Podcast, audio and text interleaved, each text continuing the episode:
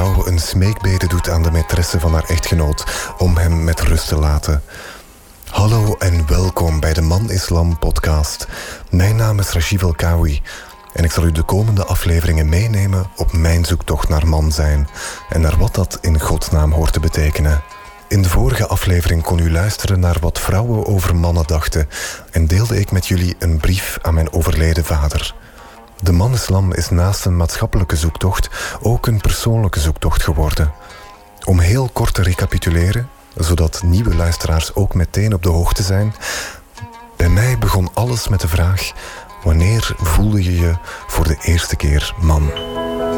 Wanneer had jij voor het eerst het gevoel, nu ben ik een man? Voor mij was dat toen ik elf jaar was. En de band met mijn vader was altijd nogal moeilijk, problematisch. En ik zag hem ook nog heel weinig tegen die tijd. Hij kwam altijd in het weekend, maar dat was dan door de laatste jaren minder en minder. En dan kwam hij nog één keer in het jaar. En toen ik elf was, had ik beslist van, heb ik tegen hem gezegd van kijk, het is beter dat je niet meer komt. Omdat wanneer hij kwam, was er altijd onvrede of... Ik wil hem niet, niet zwart maken of zo. Hij was een hele aangename man. Ik denk als ik hem gekend zou hebben als vriend, als persoon, zou ik hem heel graag gehad hebben. Maar als vader en als man was die niet toereikend. Laten we het zo zeggen. En ja, toen ik elf was, heb ik gezegd... misschien is het beter dat je gewoon niet meer komt. En dat was voor mij het grootste... Ja, toen voelde ik mij een man. Dit was een fragment uit De Nachtzoen. Een fragment dat zonder mijn weten veel zaken in beweging heeft gezet. Via de wonderen van het wereldwijde web belandde het fragment in Frankrijk, bij de buurman van de vrouw waarmee mijn vader zo'n 17 jaar geleden mee naar Frankrijk reisde, waar hij zo'n 6 jaar geleden overleden is. Ik heb nu contact met deze vrouw en hoop haar verhaal later nog met jullie te kunnen delen. Dit fragment bereikte ook Peter, de beste vriend van mijn vader, die ook in de laatste jaren van mijn vaders leven in Frankrijk verbleef. Nu woont hij weer in België, waar hij mij uitnodigde in zijn tuin. Om het bij gegrilde snoek en groene asperges te hebben over mijn vader en man zijn. Ik stelde hem de vraag: wanneer voelde jij je voor de eerste keer man? Ja, de eerste keer dat ik mijn man voelde, ik vrees, ik vrees dat dat een beetje was uh, toen ik een jaar of zes, zeven was. Toen ik misbruikt werd door een neef van mij. En op een gegeven moment uh, is, is mijn vraag gevallen van dat dat eigenlijk niet kon. Terwijl je jezelf eigenlijk toch wel schuldig voelt. Want je bent een manneke van zes, zeven jaar. Je hebt het besef niet. Maar op het moment dat het gebeurd is, is er een, een, een switch, de switch gekomen in mijn kop, in mijn hoofd. En op dat moment voelde ik mij helemaal alleen op de wereld. Ook, ook door mijn ouders, mijn familie en mijn, mijn broers en zussen, alles wat er rondom mij gebeurde. Ik vertrouwde niemand meer. Dus op dat moment was ik eigenlijk al een man. Ik ben geen kind kunnen zijn. Letterlijk. Letterlijk, ik ben geen kind kunnen zijn. Ik heb nooit mijn kindheid zo kunnen ervaren dat ik, dat ik het ervaarde als echt kind zijn. Nee. Ik sloot mij af. Ik, ik nam met niemand geen contact. Het was, het was heel, heel uh, zwaar het is heel zwaar geweest voor mij. Dat, dat, dat, merk ik nu pas. Naderhand, naderhand ziet je dat pas. Op dat moment heb je dat zelf niet, niet in de gaten. Dan, je weet dat er iets scheelt, dat er iets niet klopt. En, en je probeert te zoeken en te vinden van wat scheelt er met mij, wat scheelt er met mij. Maar eigenlijk scheelt er niks met u. Er scheelt niks met mij. Het zijn zij die het gedaan hebben. Daar scheelt iets mee. Dit antwoord had ik niet verwacht. Ik vraag hem of hij dit ooit tegen iemand verteld heeft. Tegen Ahmed Al-Kawi. Ja, hij was de eerste waar ik dat tegen verteld heb. De naam is gevallen. Ahmed El-Kawi. De naam van mijn vader. Zelfs nu aanwezig in zijn afwezigheid. Een man moet een macho zijn. Vroeger was dat zo. Vroeger moest een man een macho zijn. En ik was dan ook wel een macho, omdat ik dacht dat dat zo hoorde. Naderhand is me mijn flank natuurlijk gevallen dat dat dikke Lari in apenkool is. Maar, ik was echt gespierd en ik, ik, kon, ik kon heel veel. Dus toen voelde ik mij ook een man. was eigenlijk heel verlegen. Want de eerste vrouw die ik, die, ik, die ik heb gehad, toen was ik 17 en zij was 22. Die leeftijd is dan een immens leeftijdsverschil. Dus eigenlijk heeft die vrouw mij, want eigenlijk was dan vroeger een knappe Adonis, eigenlijk, hè, grulletjes. Hè, nu wat minder. maar, hè, dus eigenlijk heeft die vrouw mij ook wel een beetje gebruikt, naderhand bekeken. Dan, op dat moment heb je dat niet door. Dat was een hele mooie vrouw, ja, en dat, dat was ja, seks, seks, seks natuurlijk. Maar als jongeling heb je dat niet door. Ik heb, ik heb veel vrouwen gehad. Dan, ik geef dat ook eerlijk toe. Ik heb veel vrouwen gehad om dat te compenseren wat ik vroeger niet heb gehad. Veronderstel ik nu en naderhand bekeken denk van... ah ja, al die relaties die ik heb gehad, al de vrouwen die ik heb versierd of zij mij... is een gevolg van wat ik vroeger tekort heb gehad in mijn kindheid en mijn jeugd. En ik dacht van, ah ja, als ik, als ik op stap ga en ik kan vrouwen en dit en dat... dan, dan is die leegte weg. Maar dat is dus niet waar. Die leegte gaat, die gaat niet weg. Die blijft gewoon bestaan. Ik vluchtte van de realiteit. Want ik kon, de, ik kon de realiteit niet aan. Want de realiteit was van dat er iemand achter mij stond die mij misbruikt. Die realiteit die wou ik niet. En dan gaat je vluchten. Dan gaat je vluchten in die dingen. Ja, uh,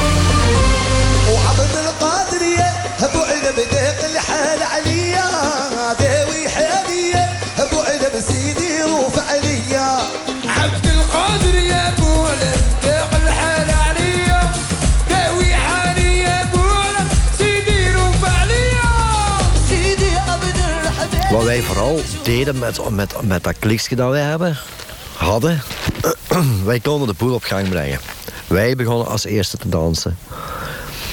Natuurlijk hadden we daarvoor al eh, serieus wat gedronken en uh, diverse kruiden gebruikt. Eh, noem het zo, ik zal het zo maar noemen. Met gevolg van, ja, waar wij ook kwamen, wij waren, wij waren graag geziene feestvierders. En dat is, dat altijd zo gebleven. Waar we ook naartoe gingen, wij trokken de boel aan de gang. Dat was, dat was, dat was Ahmed. Ja, wij, wij geneerden ons niet. Wij, wij waren vrije vogels en wij, wij, wij deden eigenlijk wat we wouden. We hadden ook ja, niks, niks te verliezen of niks te winnen. In zijn geval, eh, natuurlijk lag dat een beetje anders, maar op dat moment trok hij zich er toch allemaal niet aan. Dus wij gingen maar. Wij gingen. En dat was feesten, feesten, vooral feesten. Dat is wat wij deden. En dan heel veel babbelen. Filosoferen, ik zal het zo zeggen. Noem het maar filosoferen. In de mate van dat je dat filosoferen kunt noemen. Je, kunt, het, je kunt het ook noemen. Maar, en ik noem het dan filosoferen, want eigenlijk was dronkenmanspraat. Dat is ook filosoferen. Hè. En, en, en, naar Marokko rijden met mijn kabinet. En dan onderweg, onderweg hij zich zo ladder zat drinken, terwijl ik aan het rijden ben. Want ik dronk dan niet als ik aan het rijden was. Ik had trouwens ook gezegd vanaf Marokko gedaan. Maar dan onderweg zich zo zat drinken, dat hij gewoon op de autostrade de venster open draaide en dat hij gewoon uit de venster aan het pissen was. Uh, dat de fles wijn tussen mijn voeten viel. Ik zie het nog altijd gebeuren, terwijl ik aan het rijden ben op de, op de snelweg. En dat hij gewoon op een gegeven moment daartussenin zat. Dat ik dacht van, ah, ik ben aan het rijden, wat zit jij hier te doen? Ja, ik ben die fles wijn kwijt. De eerlijkheid gebiedt me te zeggen dat het herbeluisteren van dit interview minder makkelijk was dan ik zelf had gedacht. Ik trachtte te beluisteren vanuit het documentaire perspectief. Mezelf los te koppelen. Maar ik kan niet anders dan denken dat hij mij nooit naar Marokko heeft meegenomen. Want hij heeft zich ook nooit geaccepteerd gevoeld. Hij, hij, hij wrong zijn eigen altijd overal binnen. En ze zagen, hem, ze zagen hem ook overal graag komen. Omdat hij aandacht trok. Als wij ergens binnenkwamen met ons, met ons kleedje, wij trokken onmiddellijk de aandacht. En hij had dat ook. Alle vrouwen, nieuw, dat was, het was een magneet. Hè. En dat, dat, dat, dat, dat vond hem natuurlijk wel fijn. Maar langs de andere kant wist hij dan ook van... oei, ik heb daar een, eigenlijk een, een moeder zitten met haar kleine. En dat, dat, dat dubbele gevoel... Dat heeft, dat heeft hem volgens mij ook heel veel parten gespeeld. Van niet, niet weten... Niet weten welke kant dat hij moest kiezen. Moet, moet ik de kant kiezen van mijn zoon en, en, en, en de moeder? Of moet ik de kant kiezen van eh, de vrije vogel? Dus dat zal, dat zal hem heel, heel veel uh, parten gespeeld hebben, denk ik. Ik heb, ik, heb het, ik heb het mij altijd afgevraagd van... wat is dat met die jong? Ik blijf erbij, het is een ziekte. Alcoholisme is een ziekte. Je hebt dat of je hebt dat niet. En ik, hij, hij had het, want hij was zwaar verslaafd aan de alcohol. En er, zullen wel, er zijn ook periodes geweest dat, dat, dat het minder was. Maar als hij het dan kreeg, dan ging, dan ging, hij, ook, ging hij ook heel ver. Want, want, hij was ook heel onzeker van zijn eigen. Dat is mij vooral opgevallen in Frankrijk, als hij dan zo renovatiewerken aan het doen was. Het was zo precies van... Hij, hij vroeg om, om positieve feedback. Hij vroeg om, om, om, om aandacht van kijk eens wat ik allemaal doe en kijk eens wat ik allemaal kan. En blijkbaar kreeg hem dat niet. En dat zat hem, zat hem heel diep. Dat heb ik, dat heb ik heel, heel goed gemerkt. Omdat hij heel onzeker was op dat gebied. Terwijl dat helemaal niet nodig was. Want wat hij deed, dat was fantastisch. Dat was echt chapeau.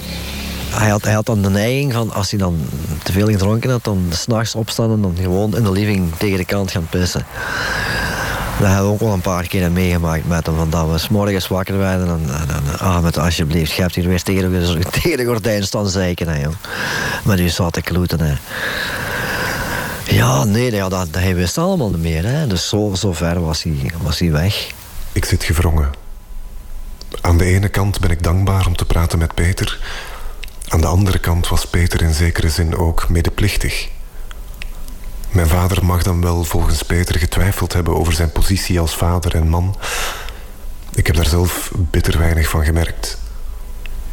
Kan je een goede man zijn als je geen goede vader bent? En hoe word je man als je geen vader hebt gehad? Oh, wie ben ik? Ben ik een Marokkaan? Ben ik een Belg? Ben ik een man? Uh, ben ik een papa? Ben ik een vader? Eigenlijk niet, want ik zie mijn zoon nooit. Ben ik een echtgenoot? Nee. Christine? Nee. Dus, dus uh, eigenlijk, eigenlijk ook volledig ontheemd. Geen, geen, geen thuisgevoel hebben van waar hoor ik nu bij, bij wie hoor ik nu thuis. Tot het moment dat hij dan ja, is tegengekomen. En daar had hij dat gevoel blijkbaar wel. Maar ja, dat was dan ook weer gemakkelijk, want Nele was al in een café. Snap je? Ja, ja. En je moet de koe niet bij, eh, de melk niet bij de, bij de, koe, eh, bij de kast zetten. Hè. Ja, dat is erg, hè. Ik verzeker u dat, chief. Hij was zwaar verslaafd. Onthoud maar goed wat je zegt. Ik draai echt niet rond de pol, hè. Hij was, hij wist, hij hij was ziek. Hij was zwaar ziek. Zwaar ziek. Maar ik kon het goed verbergen. Ik kon het heel goed verbergen. Terwijl ik altijd had zoiets had van, je moet dat niet verbergen. Waarom verberg je dat? Gooi dat toch gewoon op tafel, maar dan doe je iets aan. Ga naar een AA, jong. Nee, het lukte niet. Het lukte we, we hebben het genoeg geprobeerd. Het lukte niet, Rashif. Het ging niet. Hij was veel te ziek.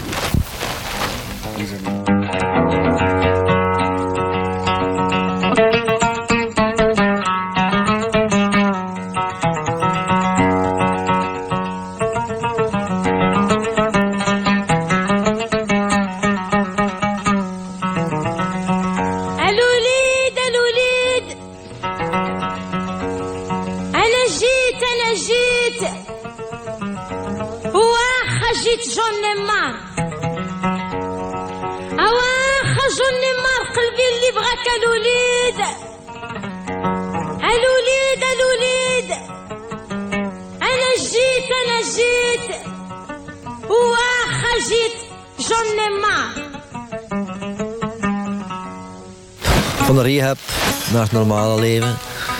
Terug hervallen. Terug naar de rehab. Terug het normale leven. Terug hervallen.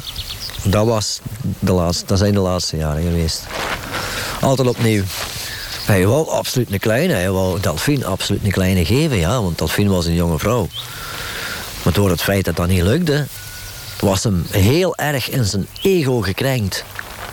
Ik merkte daar goed genoeg van. Dat was, dat was, wow, dat was... Uh, dat was het ergste wat, wat hem in zijn leven is overkomen. Van, ik, heb, ik heb nu eindelijk een, een jonge vriendin, eh, Delphine, en, eh, en ik kan ze geen kleine geven. Want ze zijn daar dikwijls voor naar de kliniek gegaan om dat terug te laten herstellen. Uh, met, met inseminatie, noem het maar op. Ze hebben van alles geprobeerd. En het is niet gelukt. En daar, daar was hij echt heel zwaar van aangeslagen.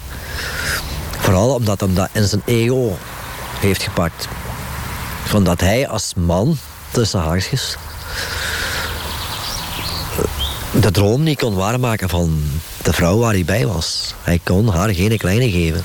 Kort na mijn geboorte suggereerde mijn moeder dat het misschien beter zou zijn als ze zich liet steriliseren. Hij heeft dit toen ook zonder veel protest gedaan. Delphine is de naam van de vrouw waarmee hij zijn laatste jaren mee doorbracht. Het feitje van de nieuwe kinderwens was nieuw voor mij. Wou hij het opnieuw proberen? Was hij eindelijk klaar om vader te zijn? Ahmed is nooit gestopt met drinken. Ja, papa is nooit... Jawel, sporadisch, tijdelijk. Tijdelijk was hij gestopt. En dan moest hij weer een rehab. En dan duurde dat weer een paar weken en dan ging hij toch weer.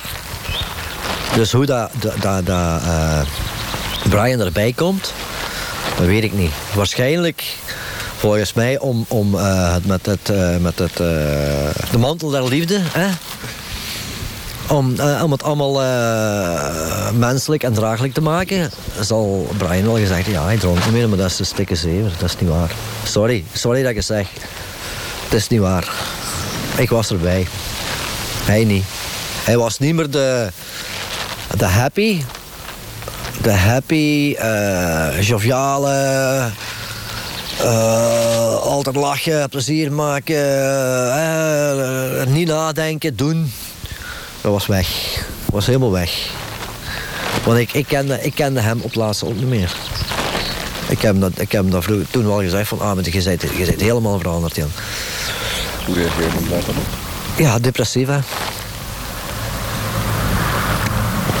Dan zei ik, ik ben depressief. En ik stel toch de vraag, sprak hij soms nog over ons? Hij wuifde dan gewoon altijd weg, alsof, alsof jullie eigenlijk niet bestonden. Sorry, dat, dat, dat klinkt, klinkt misschien hard en cru, maar... Nee, hij wil, hij wil er absoluut niks mee, hij wil er absoluut niks mee te maken. Hij had, hij had een totaal ander leven, hè. Hij had een ander leven, hè. Sprak je er nooit over? Zelden of nooit. Ik was altijd degene die probeerde van... Ik probeerde eh, regelmatig van Rachif, Rachif en Christine. Nog iets van gehoord. Daar kreeg ik meestal geen reactie op. Nee, heel raar. En ik zal niet de enige geweest zijn. Hè. Nederland zal dat ook wel geprobeerd hebben. En Delphine waarschijnlijk ook wel. Dat weet ik niet. Maar dat lukte niet.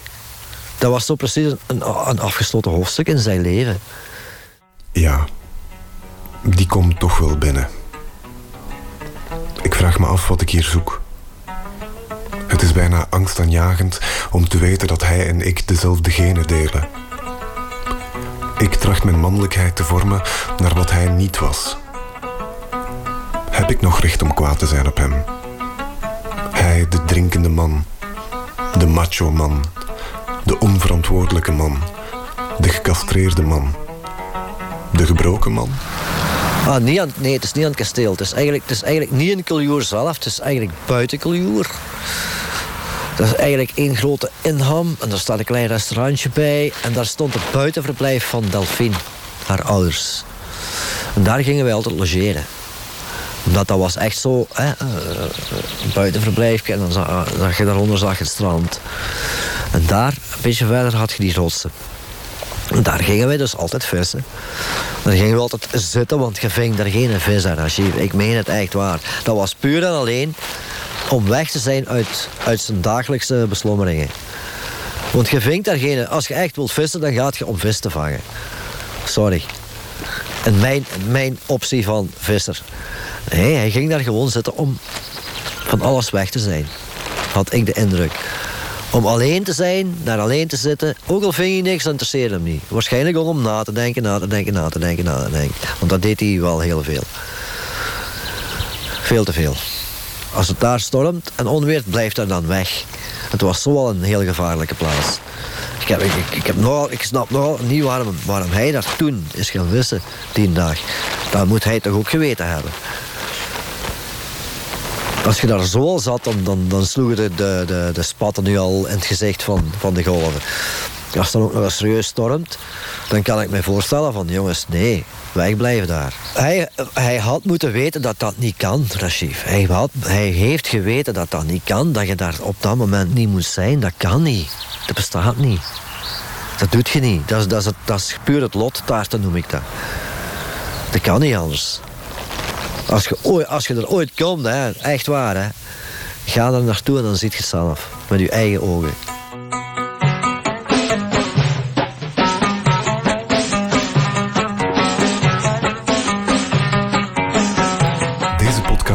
Geschreven en verteld door Rachid Elkawi en geëdit door Chris Humé en Fien Leijzen. Deze podcast is een onderdeel van het project De Man is Lam, een zoektocht naar man zijn in theater, fotografie en radio.